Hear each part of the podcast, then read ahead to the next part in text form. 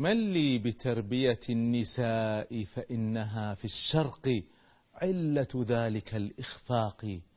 الأم مدرسة إذا أعددتها أعددت شعبا طيب الأعراق. الأم روض إن تعهده الحيا بالري أورق أيما إيراق الأم أستاذ الأساتذة الأولى شغلت مآثرهم مدى الآفاق. ليست نساؤكم حلا وجواهرا خوف الضياع تصان في الأحقاق. ليست نساؤكم أثاثا يقتنى في الدور وبين مخادع وطباق. تتشكل الأزمان في أدوارها دولا وهن على الجمود بواقي فتوسطوا فتوسطوا في الحالتين وأنصفوا فالشر في التقييد والإطلاق. رب البنات رب البنات على الفضيلة إنها في الموقفين لهن خير وثاق. وعليكم أن تستبين بناتكم نور الهدى وعلى الحياء الباقي.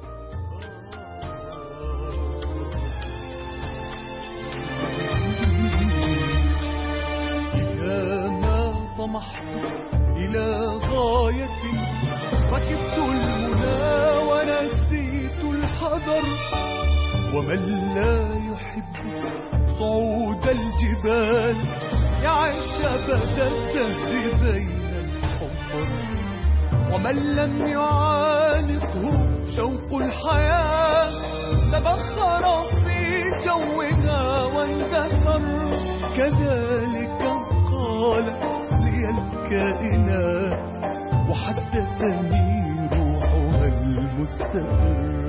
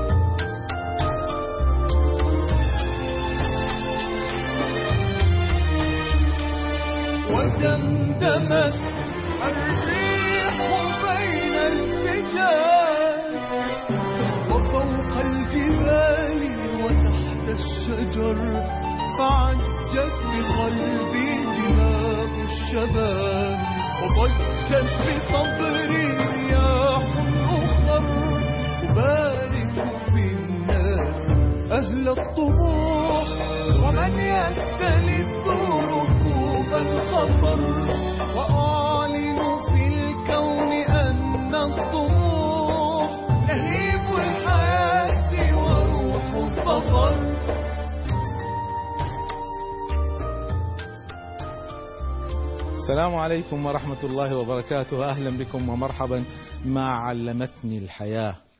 وحلقتنا اليوم حول المرأة. طبعا العادة الحديث عن المرأة المرأة نصف المجتمع والمرأة لها دور ونحن سنتجاوز الحديث هذا إلى أن ندخل في بعض المفاهيم الأساسية وبعض الأفكار التي تساهم فعلا في أن نغير العقلية العربية لأجل مزيد من مشاركة المرأة ودور المرأة والحديث بالذات سيكون حول بعض الفهم الشرعي الذي عند بعض الناس الذي يحجم دور المرأة.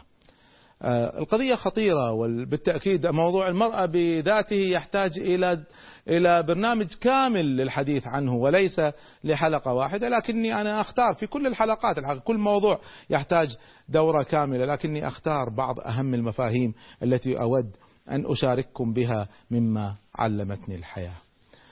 ودعوني أبدأ بمجموعة من الأحاديث التي ما زال للأسف بعض الناس يستعملها وأحب أن أعلق عليها. هناك حديث يدور على بعض الألسن وتجده بعض الكتب لا تعلمونهن الكتابة عجيب. أو حديث ينسبونه للنبي صلى الله عليه وسلم شاوروهن وخالفوهن. شوف إيش رأيها وأعمل عكسها عجيب. هذه الأحاديث كلها أحاديث ضعيفة بل موضوعة. أوردها الشيخ ناصر الدين الألباني في كتابه سلسلة الأحاديث الموضوعة والضعيفة. هذه أحاديث ليست هي ديننا.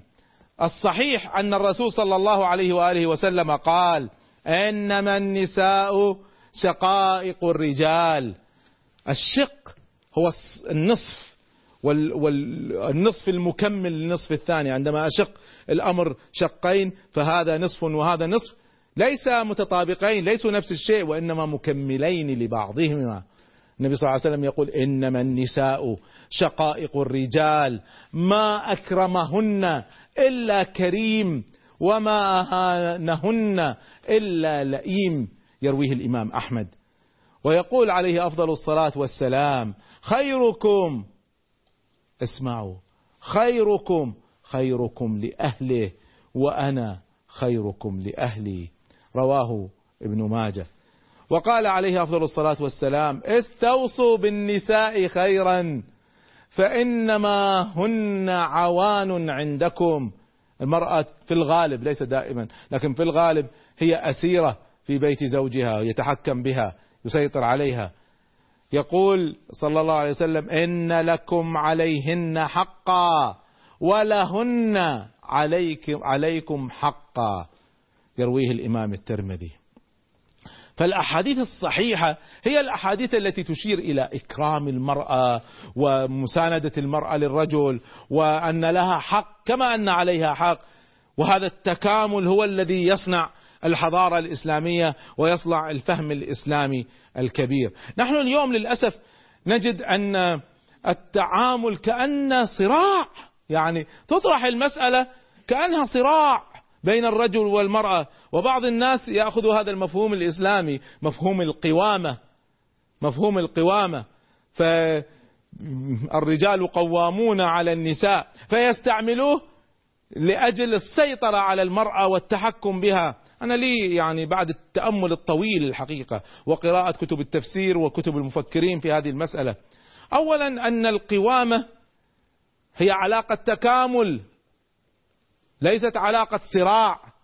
لا يستعمل أنا قائم عليك أنا المسيطر عليك ليست هذا. وأنا أعتقد أن الرجل الحكيم لا يحتاج أن يستعمل هذا الأمر. يعني الحمد لله نحن أكثر من ثلاثين سنة زواج ما استعملنا هذا أبدا ولا نحتاج أن نستعمله. ثم لي بعض المفاهيم الخاصة المتعلقة بالقوامة أحب أن أشير إليها وهي ليست آرائي هي, هي مما تعلمته من سادة العلماء والمفكرين. أن القوامة أولا هي في الأسرة فقط هي ليست في المجتمع هي ليست في الحياة يعني افرض أن المرأة تعمل هو ليس له قوامة عليها اعملي كذا في وظيفتك لا تعملي كذا ليس له أي سيطرة. وإذا شاركت المرأة وصارت انتخبت في البرلمان يأتيها يقول صوتي بالطريقة الفلانية. ليس حق له هو قوامته في المنزل في الأسرة في البيت. القوامة باختصار هي مفهوم رئاسة مفهوم رئاسة. والرئاسة ممكن تصير دكتاتورية وتكون فاشلة. وممكن تكون رئاسة هي تحسم الخلاف عندما لا يستطيع الناس. مثلا مثل لما نكون إحنا في اجتماع إداري وتتساوى الاصوات فيرجح جانب الرئيس كما يقولون. هكذا أنا أفهمها. لكن أيضا القوامة هذه لها شروط. هي ليست مطلقة. الرجال قوامون على النساء. هي ليست جملة مطلقة. ليس فيها شروط. بما فضل الله بعضهم على بعض وبما أنفقوا من أموالهم. إذا شرطين. شرطين. شرط الأول بما فضل الله بعضهم على بعض. الله سبحانه وتعالى فضل المرأة على الرجل في أمور. فضل فضلها عليه بالحنان والحرص على الأولاد. أكثر من الرجل على فكرة. التربية في الغالب يتولاها تتولاها المرأة. حتى في الغرب على فكرة يعني. في الغرب يقولون dads are for fun. Moms mean business. الآباء الأب لما يصير فاضي يجلس مع أولاده يفكر كيف يونسهم يطلعهم رحلة ولا يونسهم ولا يضحكهم. الأم هي التي تديرهم. هذا في الحياة. على فكرة حتى في الصحابة. في الحديث لما جاءت المرأة تشتكي آه، للنبي صلى الله عليه وسلم تقول ونحن نربي أولادهم. هذه صحابية تشتكي للنبي صلى الله عليه وسلم على الصحابة. تقول ونحن نربي أولادهم. فحتى في زمن الصحابة التربية معظمها للنساء فهذا مما فضل الله به المرأة على الرجل. وفضل الله الرجل على المرأة بأن أعطاه جسم أقوى وقدرة على كسب الرزق أعلى واستعماله للعقل. ليس لأنه أذكى لكن لأنه عاطفته أقل من عاطفة المرأة فهنا يستطيع أن في بعض المواقف الحساسة أن يكون له رأي أقوى. طيب سؤال. ماذا لو كان الرعي عديم الرجل عديم العقل؟ قليل الحكمة. قليل الفكر قليل الخبرة رعي أهوج. هل يصبح قوام؟ سؤال ثاني.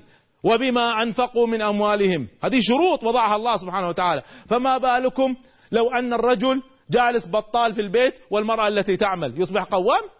هو افتقد شروط القوامة التي ذكرها الله تعالى في القرآن. فبالنسبة لي المسألة ليست مطلقة وإنما محكومة من أجل تنظيم هذه المؤسسة الخطيرة التي اسمها البيت الأسرة. هذه المعاني والمعاني الأخرى المتعلقة بسوء فهم الدين ناقصات عقل ودين وأمثال هذا سأحدثكم عنها بعد الفاصل إن شاء الله.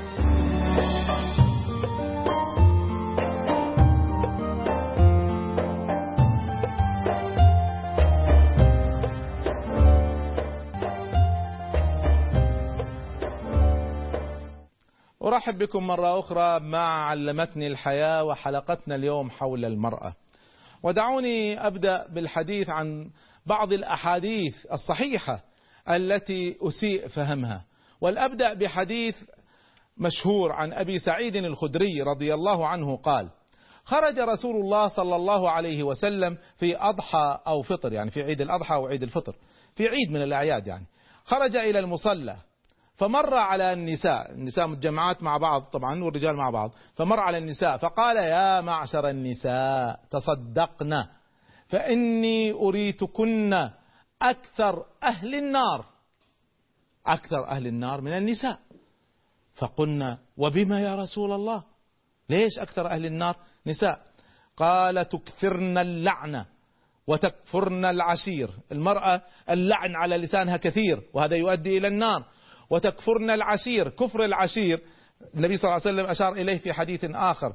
يحسن إليها الرجل طول عمره فإذا أساء مرة قال ما أحسنت إلي قط. هذا كفر العشير العشير هو الزوج. وكفر العشير يعني إنكار الجميل. وهذا إنكار الجميل يؤدي إلى النار. ثم قال صلى الله عليه وسلم ما رأيت من ناقصات عقل ودين. أذهب للب الرجل الحازم من إحداكن. قلنا وما نقصان ديننا وعقلنا يا رسول الله؟ قال أليس شهادة المرأة مثل نصف شهادة الرجل؟ قلنا بلى. قال فذلك من نقصان عقلهن أو عقلها. أليس إذا حاضت لم تصلي ولم تصم؟ قلنا بلى. قال فذلك من نقصان دينها. هذا الحديث صحيح ولا شك في صحته. لكنه أسيء فهمه جدا جدا. النبي صلى الله عليه وسلم طبعا المقدمة يشير يحث النبي صلى الله عليه وسلم الصحابيات والمؤمنات على الإنفاق حتى يعني آه، تكون لهن المنزلة العالية في الجنة إن شاء الله. ثم يشير النبي صلى الله عليه وسلم ليش المرأة تكفر العشير؟ ليش؟ لأنها عندها نقص. هذا النقص هو الذي يؤدي إلى هذا. فالنبي صلى الله عليه وسلم يشير إلى هذا المعنى. ثم ماذا قال؟ يقول ما رأيت من ناقصات عقل ودين. اسمعوا معي. بعض الناس ماذا يأخذ من الحديث؟ ما يأخذ إلا كلمتين. يقول ناقصات عقل ودين. ليس الحديث لا يقول هذا. الحديث يقول ما رأيت من ناقصات عقل ودين. أذهب للب الرجل الحازم من أحدى من إحداهن. يعني ماذا يعني؟ المرأة عندها نقص. هكذا يشير الحديث في عقلها ودينها. طبعا كلمة خوف. وذلك سألنا يا رسول الله ما نقص ديننا وعقلنا؟ فقال أليس شهادة المرأة مثل نصف شهادة الرجل؟ هذه جاءت في القرآن الكريم أين؟ في الحديث عن القضايا المالية. القرآن يشير في قضية المال في آية الدين في سورة البقرة أن الشهادة تكون لرجلين أو رجل وامرأتان. أن تضل إحداهما فتذكر إحداهما الأخرى. ليش؟ لأن في الغالب في الغالب المرأة بعيدة عن الحسابات والقضايا المالية ولذلك شهادتها تكون نصف شهادة الرجل. طبعا بعض النساء يتضايقن ليش شهادتنا نصف شهادة الرجل؟ هو أصلا شهادة الرجل في بعض القضايا صفر وليس نصف. يعني في قضايا في ذلك الوقت كانت قضية مثلا قضايا الحمل والولادة والحيض والشهادة فيها لمن؟ فقط للنساء. لو جاء رجل يشهد ما تقبل شهادته في مثل المسائل هناك يعني حتى في الميراث بعض الناس يعني من الشبهات اللي أن المرأة نصف ميراث الرجل. في 19 حالة المرأة ميراثها يساوي الرجل أو أكثر. هي حالات هي ليست مطلقة هكذا. فبعض الناس يأخذ جزء من الدين ويعممه. هي تأخذ نصف نصف الرجل في حالات لكن تأخذ مثل الرجل في حالات وتأخذ أكثر من الرجل. مجموع الحالات التي تأخذ مثل الرجل أو أكثر 19 حالة. فليش نأخذ بس هذه المسألة؟ نرجع للشهادة. ففي القضايا المالية في معظم النساء في القضايا المالية أقل من الرجال. فلما جاءت القضايا المالية أنا هكذا أفهم. أنا أفهم أن الشهادة هذه فقط في القضايا المالية لأنها تمكنها في هذه المسألة أقل. وفي القضايا التي متعلقة بشؤون المرأة الرجل ليس له شهادة. فهي هي حسب الحالة والإسلام الإسلام دين عقلاني والإسلام دين واقعي. ثم جاءت قضية الحيض. إذا حاضت المرأة جلكم الله هذه المسألة الطبيعية التي هي سماها الرسول صلى الله عليه وسلم كتاب الله على بنات آدم. هذا ليس للمرأة شأن فيها. سؤال. المرأة إذا أصابتها هذه الحالة لم تصلي ولم تصم. طب لو حبت تصلي وتصوم لو حبت تصلي وتصوم لا يجوز لها صح؟ طيب هل تأثم ولا تؤجر؟ هل تأثم إنها ما تصلي وتصوم؟ كلا. طيب لو كانت راغبة كان بودها أن تصلي وتصوم لكن الله سبحانه وتعالى يعبد كما يشاء. وأمرها ألا تصلي وتصوم. هل يكتب لها الأجر؟ طبعا. حديث النبي صلى الله عليه وسلم إذا مرض العبد أو سافر كتب له من الأجر ما كان يعمل صحيحا مقيما. حديث صحيح للنبي صلى الله عليه وسلم. فالأشياء التي يمنع منها الإنسان ليس بإرادته بسبب الظروف التي أحاطت به فهذه يكتب له الأجر حسب نيته. طبعا المرأة اللي تقول الحمد لله ارتحت من الصلاة. هذه لا تؤجر. لكن التي كانت تتمنى تصلي وتصوم هذه ستؤجر. طيب اذا في الحالتين هي ليس لها ذنب. الآن نرجع لأصل الحديث مرة أخرى. ماذا يقول الحديث؟ يقول الحديث اسمعوا باللغة الحديثة هكذا. رغم أن المرأة عندها هذا النقص إلا أنها تلعب بلب الرجل الحازم. أليس هكذا يقول الحديث؟ ما رأيت من ناقصات عقل ودين أذهب بلب الرجل الحازم من من إحداهن. المرأة الواحدة تلعب بعقل اللب العقل. الرجل الحازم إذا من الأذكى؟ من الأذكى؟ الحديث يتكلم عن من الأذكى. المرأة أذكى. المرأة الله القرآن أشار إلى هذا إن كيدهن عظيم. والله المرأة إذا حطت راسها بشغلة والله الرجال ما لهم أمل يعني. لكنها للأسف تنشغل بتوافه الأمور وغيرها وتنسى التخطيط والترتيب ولكنها تستطيع أن تلعب بلب الرجل العاقل. سؤال هذا الحديث مدح للمرأة أم ذم؟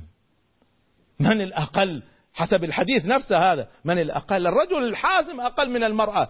إذا شاءت المرأة أن تفعل هذا. فإذا بس هذا شوية تصحيح لهذه المسألة. طبعا في مواضيع كثيرة في الشبهات لكن الوقت يدركنا. أنا أريد أن أتكلم عن كتاب من أعظم الكتب فيما يتعلق بقضية المرأة. طبعا أنا تربيتي في البداية كانت تربية تقليدية أتكلم عن التربية الدينية والعلمية. أنا تعلمت العلم الشرعي بأسلوب تقليدي بمنهجية تقليدية سلفية. آه، وكثير من هذه الأشياء ما اطلعت عليها إلا بعد ما كبرت. ويا ليتني اطلعت عليها وأنا أصغر سنا. لكن الحمد لله يعني على كل حال آه، حتى لما كبرت كنت منفتح. ما انغلقت. فلما اطلعت على هذا الكتاب هذا الكتاب هو أهم كتاب غير مفاهيمي عن المرأة. كتاب تحرير المرأة في عصر الرسالة. تحرير المرأة في عصر الرسالة. للأستاذ الدكتور عبد الحليم أبو شقة. الدكتور عبد الحليم أبو شقة هو زميل الدكتور القرضاوي وبمستواه فنحن نتكلم عن شخصية بهذا المستوى العالي. رحمه الله توفي عام 1995 ميلادي. في هذا الكتاب اللي هو من عدة مجلدات فعل أبو عبد الحليم أبو شقة فعل عجيب جدا جدا. هو وصف لنا كيف المرأة كانت تعيش في أيام الرسول صلى الله عليه وسلم في عصر الرسالة. إحنا إذا نريد أن نتحاكم ما الذي يجوز للمرأة وما الذي لا يجوز؟ أعظم مرجع هو حياة النساء في زمن النبي صلى الله عليه وآله وسلم. وماذا فعل في هذا الكتاب؟ شيء عجيب. ما استعمل أي دليل إلا القرآن وأحاديث البخاري ومسلم فقط. فقط. ما أحاديث الترمذي وأبو داود ما استعملها. فقط القرآن والبخاري ومسلم. وخرج من هذا من هذه الأدلة الشرعية اللي واضح صحتها ولا يختلف عليها أهل السنة. خرج بتحليل. لأمور متعلقة بالمرأة سأستعرض بعضها بسرعة الآن. العجيب أن رغم المرجعية الواضحة في هذا الكتاب هو كتاب علمي تماما يستعمل الأدلة ويجيب أدلة اللي ترد عليها والآراء اللي ترد ويبينها ومنطقي علمي هو من علماء الأزهر الكبار رحمه الله تعالى. مع ذلك العجيب أن هذا الكتاب ممنوع في بعض الدول الإسلامية. ليش؟ لأنه يخالف عاداتهم يخالف تقاليدهم. بخاري ومسلم والقرآن يخالف عاداتهم وتقاليدهم. إذا قد تقدم العادات والتقاليد على الأدلة الصحيحة. في هذا الكتاب ماذا فعل؟ تكلم عن الأمور التالية. تكلم أولا طبعا هو يتكلم عن ست أجزاء في أربع مجلدات أو أحيانا مجلدين حسب الطبعات. معالم شخصية المرأة المسلمة في القرآن والسنة. استقلالية المرأة عن الرجل. مساواة المرأة بالرجل المسؤولية والحقوق الواجب والواجبات للمرأة. أحاديث فهمت خطأ متعلقة بالمرأة مثل الحديث الذي أشرنا إليه. المشاركة الاجتماعية للمرأة في الحياة الدواعي والآداب المتعلقة بالمشاركة الاجتماعية. عمل المرأة ثم عمل جزء كامل حوارات مع المعارضين لمشاركة المرأة السياسية مشاركتها الاجتماعية مشاركتها في الحياة آه، آه، عمل المرأة رد عليهم بالأدلة من القرآن والسنة بالبخاري ومسلم. ثم تكلم عن الرد على خطر المشاركة. في بعض الناس بالغوا في خطر المشاركة. تكلم بعد ذلك عن الحجاب. وتكلم كيف أن كلمة الحجاب تستعمل فقط لأمهات المؤمنين. أما المرأة المسلمة فهنا يتكلم هو عن اللباس. تكلم عن موضوع مهم وخطير اسمه سد الذرائع. سد الذرائع. سد الذرائع الذريعة هي الطريق المؤدي للحرام يعني النظر بشهوة حرام لأنه يؤدي إلى الزنا.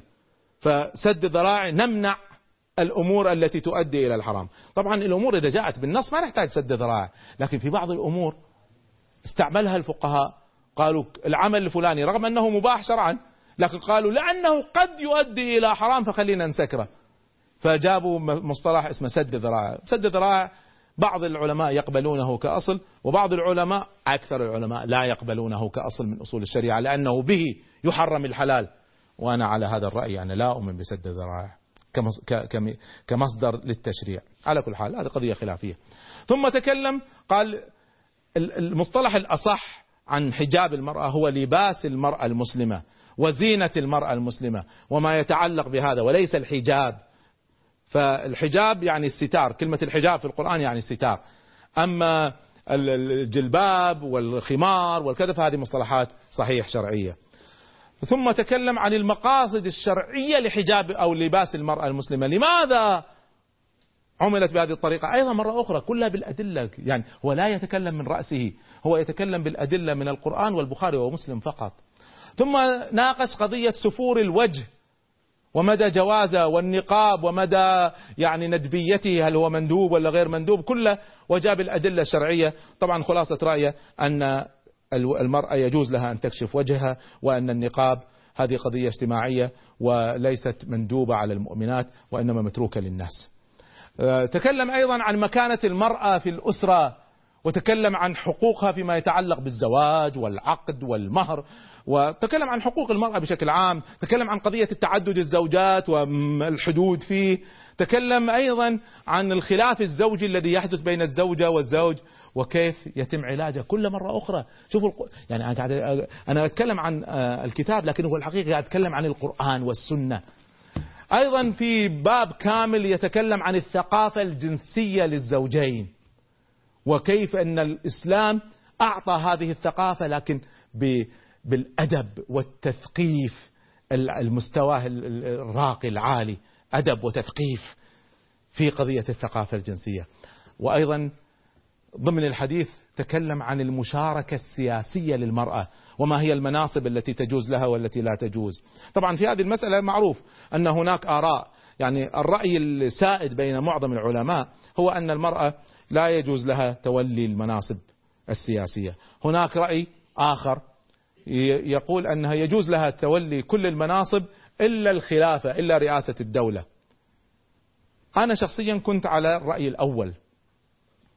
أنه لا يجوز لها تولي المناصب السياسية. هذا لما كنت أصغر سنا لما تعمقت في المسألة ودرست حديث لن يفلح قوم ولوا أمرهم امرأة ووجدت أن له 22 رواية مختلفة وبعضها يفسر بعض ورجعت إلى أقوال العلماء لم أتبنى هذا الرأي ولم أعد حتى على الرأي الثاني بل تبنيت الرأي الثالث الذي يقول يجوز للمرأة تولي جميع المناصب بما فيها رئاسة الدولة.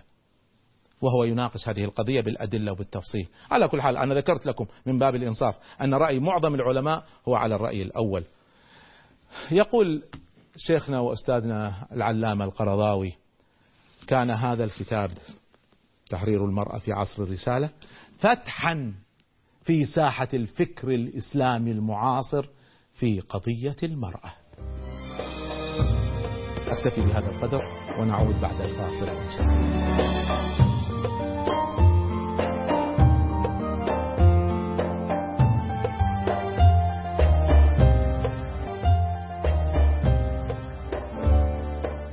أهلا بكم ومرحبا مع علمتني الحياة وحلقتنا اليوم حول المرأة. أنا أتكلم عن المرأة كجزء من الحياة والحضارة والبشرية وأتكلم عن نظرة الإسلام والمسلمين للمرأة وهناك فرق شاسع الحقيقة بين نظرة الإسلام ونظرة المسلمين على الأقل إلى أن تغيرت النظرة في السنين الأخيرة بفضل الله. موضوع المرأة الحقيقة يعني ليس خاص فقط في العالم العربي. في العالم كل المرأة مظلومة. هذا العالم عالم ذكوري عالم رجال. آه، في أمريكا عملت إحصائية عن الرواتب. فأخذت عينتين عشوائيتين لكن متساويتين في العدد ومتساويتين في الكفاءة. يعني رجال ونساء. نفس العدد. نفس الشهادات العلمية نفس الخبرات نفس الكفاءة نفس المهام. فوجدوا أن المتوسط العام لرواتب النساء هو واحد وسبعين بالمئة من رواتب الرجال. فحتى في الغرب المرأة مظلومة. في أمريكا نسبة النساء اللواتي وصلن إلى المراتب القيادية العليا. هنا أتكلم عن وزيرة عضوة كونغرس رئيسة شركة رئيسة بنك. تعرفون كم؟ ما وصلوا عشرة بالمئة؟ لا أقل. لم يصلوا خمسة بالمئة. لم يصلنا واحد بالمئة. النسبة هي نصف من واحد في المئة فالمرأة بشكل عام في العالم مظلومة. طبعا هل هذا بسببها ولا بسبب الرجال؟ هذا موضوع آخر سنتحدث عنه. لكن دعوني أعطيكم هذه الإحصائية. من مجموع 555 جائزة نوبل. منحت منذ عام 1898 حتى عام 2000 لم تحصل للنساء سوى على 11 جائزة من 555 هذا ليس له علاقة بالإسلام هذه المسألة. هذا حتى بالغرب المسألة. فالمرأة تعيش في عالم رجولي والمشكلة فيها كبيرة والتحدي عندها كبير. وذلك في عندنا في مصطلحات الإدارة عندنا مصطلح إداري اسمه the glass ceiling السقف الزجاجي. هذا سقف غير مرئي سقف خفي. هذا السقف يقف أمام المرأة والمحرومين بشكل عام. المرأة تصعد تصعد تصعد فتترقى في المناصب إلى أن تصل إلى السقف الزجاجي بعدها ما تصعد إلا ما ندر. وذلك لما تولت هذا الآن رئيسة الكونغرس الأمريكي امرأة. أول امرأة في تاريخ أمريكا تتولى الكونغرس. فلما تولت أنا أذكر كنت أحضر بالتلفزيون مشاهد تنصيبها فقالوا كسرت السقف الزجاجي. سقف زجاجي النساء يقفن دونهم. مع أن المرأة لديها قدرات في بعض الجوانب تتميز عن الرجل وبعض الجوانب طبعا الرجل يتميز عليها أنا تحدثت عن هذا أكثر في كتابي صناعة القائد في فصل اسمه آه، المرأة القيادية. هذا الكتاب الذي ألفته مع ابني الحبيب فيصل باشراحيل آه، لخصت فيه كتاب من كتب الإدارة العلمية كتاب اسمه The Promotable Woman يتكلم عن آه، الفروق بين الرجل والمرأة. دعوني أستعرض معكم بعض هذه الفروق آه، التي وصل وصلت إليها الدراسات العلمية. الرجل القيادي يعمل بدرجات متفاوتة من الجهد. لكن بدون انقطاع. يعني يمكن يعمل له سبع ساعات ثمان ساعات عشر ساعات. صاعد نازل يعني جهد عالي جهد حسب تعبه لكنه مستمر ما يتوقف. بينما المرأة القيادية عجيب. تعمل بدرجة واحدة من الجهد. ما هو صاعدة ونازلة. لكنها تأخذ فترات راحة قصيرة. تجدد نشاطها وتعود. أيهما أفضل؟ فكروا أنتم. طيب الرجل القيادي يحرص الرجل القيادي على العمل بشكل كبير ولا يتخلل ذلك أي أمور أخرى في الغالب. بينما المرأة القيادية تخصص وقتا للأمور الأخرى. يعني الرجل لما يركز على شغلة يركز عليها. المرأة سبحان الله عندها قدرة غير عادية. يعني تخصص وقت للأمور الأخرى ومن أهمها متابعة الأمور الأسرية. وهي تعمل يعني وهي تعمل تلقى ترفع التليفون تسأل عن الولد آه وصل من البيت المدرسة إيش قاعد يشوف في التلفزيون إيش؟ المرأة عجيب يعني مرة يعني أيضا في دراسة أخرى غير هذه التي يشير إليها. وجدوا أن المرأة ممكن قاعدة تطبخ وتتكلم بالتليفون وسامع الولد إيش قاعد يتكلم مع صاحبه بالتليفون في نفس الوقت. الرجل ما عنده هذه القدرة هذه قدرة فقط للنساء. طيب اذا هذه أيضا من الأمور. الرجل القيادي له علاقات واسعة مع أشخاص خارج المنظمة. خارج المجال الذي يعمل فيه. بينما المرأة القيادية لها علاقات واسعة مع أشخاص داخل المنظمة وخارج المنظمة. المرأة أقدر على بناء العلاقات فهذه أيضا من صفاتها. نأخذ صفة أخرى. آه، من صفات الرجل القيادي أنه يتابع أداء المهمة تلو المهمة تلو المهمة دون تركيز كبير على أي مهمة منها. دون أن يركز على تقييم الأداء أو النظر في الآثار المستقبلية التي تترتب على هذا. بينما المرأة القيادية تقيم كل عمل وتحرص على دراسة الآثار المستقبلية ليس فقط على العمل وإنما آثارها العامة على الأسرة وعلى البيئة وعلى التعليم. فعندها هذا الهم. بينما الرجل همه الإنجاز والأرباح هي همها أكبر من هذا. الرجل القيادي يرتبط بعمله بشكل عميق. المرأة لا ترتبط بالعمل يعني الرجل يصير حياته كبير جزء كبير منها مربوط بالعمل. هي لا هي توازن في عملها. الرجل القيادي يميل إلى السرعة في اتخاذ القرار. المرأة تميل إلى البطء في اتخاذ القرار. الرجل يحب أن يشاور قليلا ثم يتخذ قرار. المرأة تحب أن تشاور كثيرا. قبل أن تتخذ القرار. ذلك بعض الناس يعتبروها غير حازمة. الرجل القيادي أقل إبداعا من المرأة القيادية بنسبة 25% لو أخذنا عينتين من الرجال والنساء وطلبنا من كل فئة أن تعطينا حلول إبداعية لمشكلة معينة. الرجل سيخرج الرجال سيخرجوا حلول. المرأة ستخرج حلول أكثر من الرجال بنسبة 25% فهذا أيضا من صفاتها. لكن المرأة أكثر مزاجية من الرجل. تتقلب. مرة تكون سعيدة ومرتاحة ومرة تكون يعني حالتها النفسية تعبانة. وذلك يقولون إذا صارت رئيستك امرأة وتعمل مع امرأة انتظر لما تكون حالتها كويسة وبعدها أطلب اللي تبيه. لا تطلب في كل وقت. لازم تنتظر. بينما الرجل لا ما عنده المسألة بشكل واضح وكبير. فهذه أيضا من الفروق اللي واضحة بين الرجل والمرأة. هناك فروق بعضها إيجابي وبعضها سلبي. المرأة حزمها أقل. أحيانا محتاجة أن تصدر قرار حازم ينهي الموضوع ويحزم. ما لازم تفصل مثلا. لا تتردد وتتأخر. فالمرأة في هذه الحالة يجب أن تغير طبيعتها حتى تستطيع أن تقود. وأختم وأقول المرأة تكره أن ترأسها امرأة. المرأة تكره أن ترأسها امرأة. الرجل ما عنده مشكلة أن ترأس امرأة إلا الرجال فوق الخمسين سنة يكرهون أن ترأسهم امرأة. هذا في الغرب أتكلم أنا دعوكم. ما عندنا إحصائيات واضحة عن الشر. فهذه أيضا من الفروق. أيضا وجدوا أن المرأة عندما تترأس نساء تصبح دكتاتورة وعندما تترأس رجال تشاور. فهذه كلها فروق. يجب أن مراعاتها.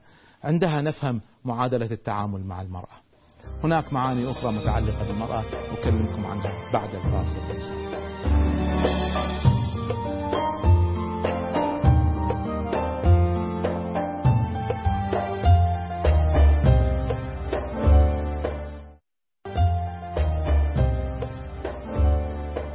أهلا بكم ومرحبا مع علمتني الحياة والجزء الأخير من حلقتنا عن المرأة.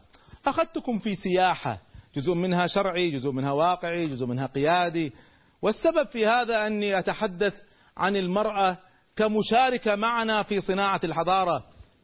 نحن أمة تخلفت وبدأت تنهض من جديد بفضل الله عز وجل. ومما حفظته ولا أنساه من أستاذنا الكبير الدكتور حسان حتحوت رحمه الله تعالى كلمة عجيبة قال لا يمكن لا يمكن لحضارة أن تبنى على شخص يقفز على رجل واحدة. لابد من الرجلين حتى نصنع حضارة. بدون النساء لن نصنع حضارة. بل أنا أقول أكثر من هذا. من الذي سيصنع حضارة الإسلام؟ الجيل الحالي الذي يقود لن يصنع حضارة الإسلام. هو الجيل القادم. هو الذي سيصنع هذه الحضارة ويبني هذه النهضة. هذا الجيل إذا أحسنت تربيته ما تربى في أحضان استعمار وفي عهد ذل وخزي كالذي عاشه الأجيال الماضية. هذا الجيل القادم إذا تربى صح هو الذي سيصنع الحضارة. من الذي سيربي هذا الجيل؟ النساء. النساء كما ذكرت في الحلقة. هم المتوليات للتربية أكثر من الرجال. فعندما نهتم بالمرأة نحن لا, فق... لا نهتم فقط بنصف المجتمع. نحن نهتم بنصف المجتمع ونهتم بالجيل القادم كله لأن هن اللواتي يتولين هذه التربية. فإذا حديثي صحيح شكله جزء منه قيادة وجزء منه إدارة وش... لكنه في النهاية أنا أتكلم عن معادلة أساسية في صناعة النهضة وبناء الحضارة من جديد. عندنا إشكال في التاريخ كله أن القيادات النسائية قليلة عبر التاريخ. يعني أنا لما لما جئت أبحث عن نساء خالدات طبعا في الأجيال الأولى من الإسلام أنا عملت سلسلة اسمها نساء خالدات. لما جئت للأجيال الأولى عهد الصحابة وأمهات المؤمنين ما شاء الله الرموز النسائية من كثرتها اضطريت أن أختار. ما استطعت أن أستعرض الجميع. لما جئت للعصور المتأخرة ليست المتأخرة بعد القرون الأول والثاني بعدين نادر تبحث بحث عن وحدة متميزة. لماذا؟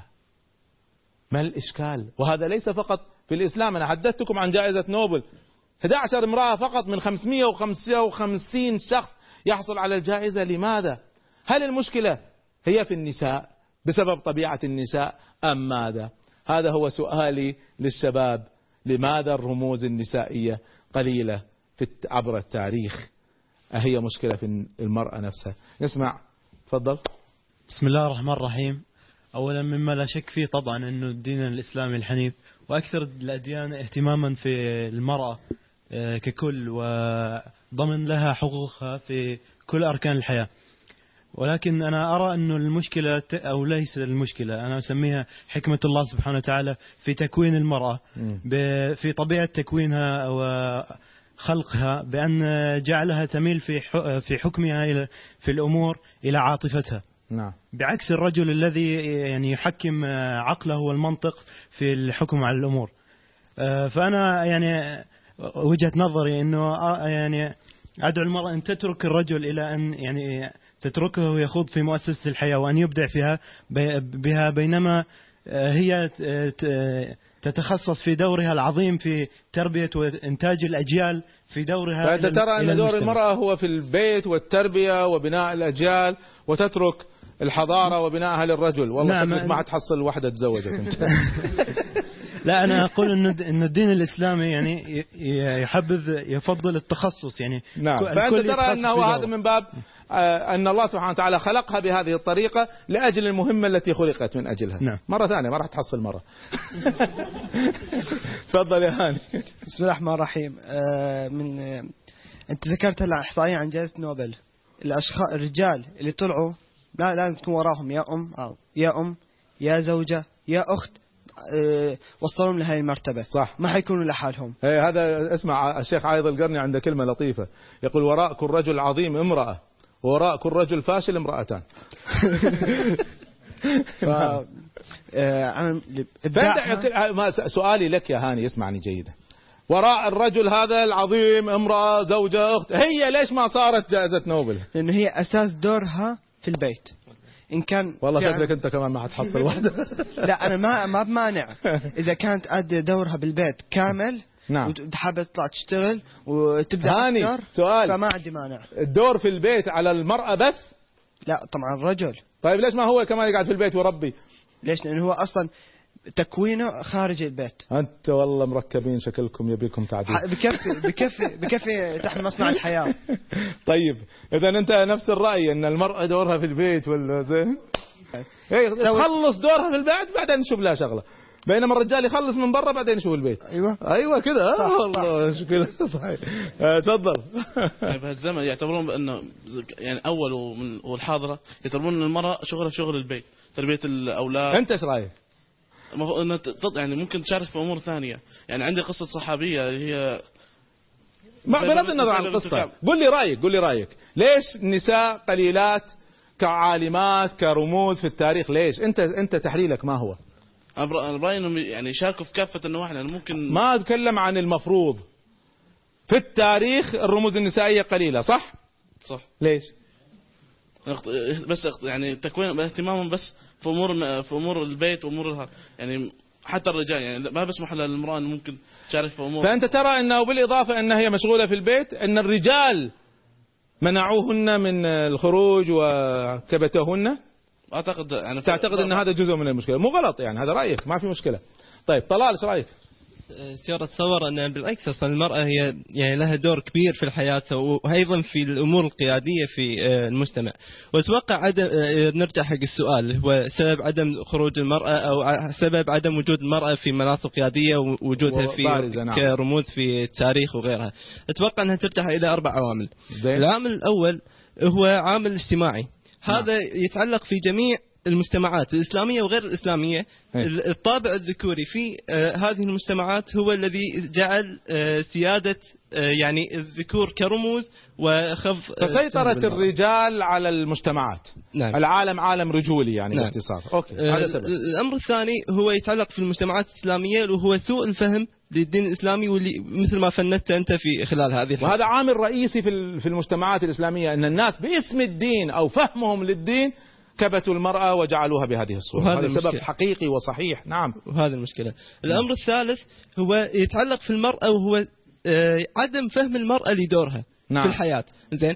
فحتى المرأة عادة ما يعني ما تتوسع وعدم معرفتها في دورها الحقيقي في الحياة وليس مجرد دور آه، أسري بجانب دور الاجتماعي الفعال في فالمرأة المجتمع. فهمت هذا وقبلت هذا الفهم وانشغلت بمثل هذا الدور ورضيت به. فالمشكلة الرئيسيه هي عند المرأة نفسها. وهذا صحيح يا طلال ما شاء الله. وال- والأمر الأخير هو كتابة التاريخ هو بدأ آه، بكتابة التاريخ من ناحية ذكورية فالرجال هم الذين كتبوا التاريخ فبالتالي بنى, بنى هذا على آه، الرموز ال- ال- العالمية سواء الرموز الإسلامية عادت آه، تسيطر عليها الرجال أكثر من فالر- فالرجال هم الذين كتبوا التاريخ وكانوا متحيزين للبحث عن الرموز الرجالية. أمر طبيعي يعني. نعم وهذا طبيعي يعني لو المرأة كتبت التاريخ كانت راح تبرز النساء. فهذا أمر طبيعي فأنا أعتز أن طلال أحد شباب مركز الرواد والتربية فيك ما طلعت غلط وراح تحصل عدد من البنات يقبلن بك مبروك.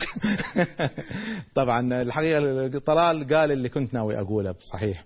هذه هي الأسباب وأضيف لها سبب وهي أن المرأة شغلت نفسها بتوافه الأمور. أتكلم عن معظم النساء للأسف.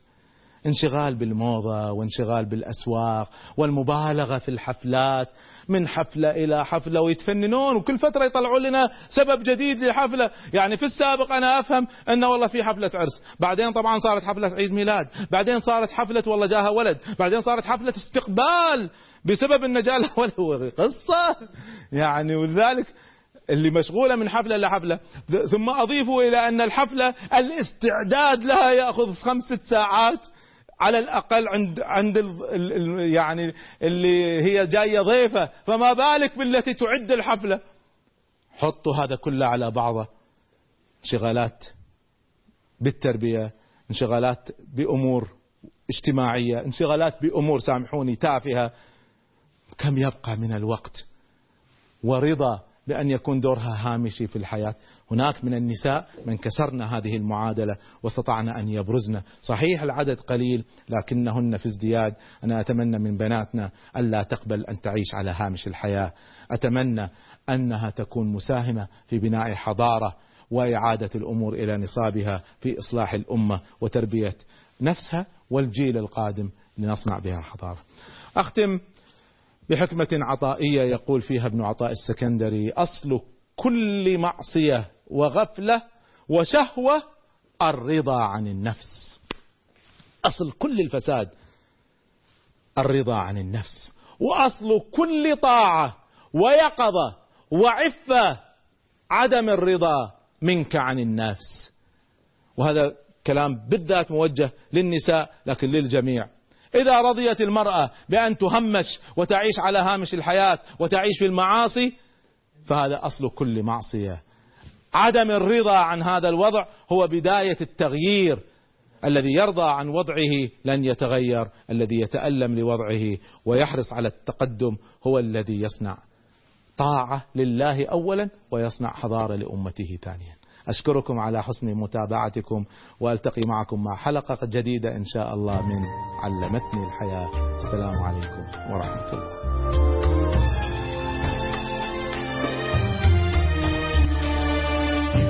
ما طمحت إلى غاية ركبت المنى ونسيت الحذر. ومن لا يحب صعود الجبال يعيش أبد الدهر بين الحفر ومن لم يعانقه شوق الحياة تبخر في جوها واندثر كذلك قالت لي الكائنات وحدثني روحها المستقر.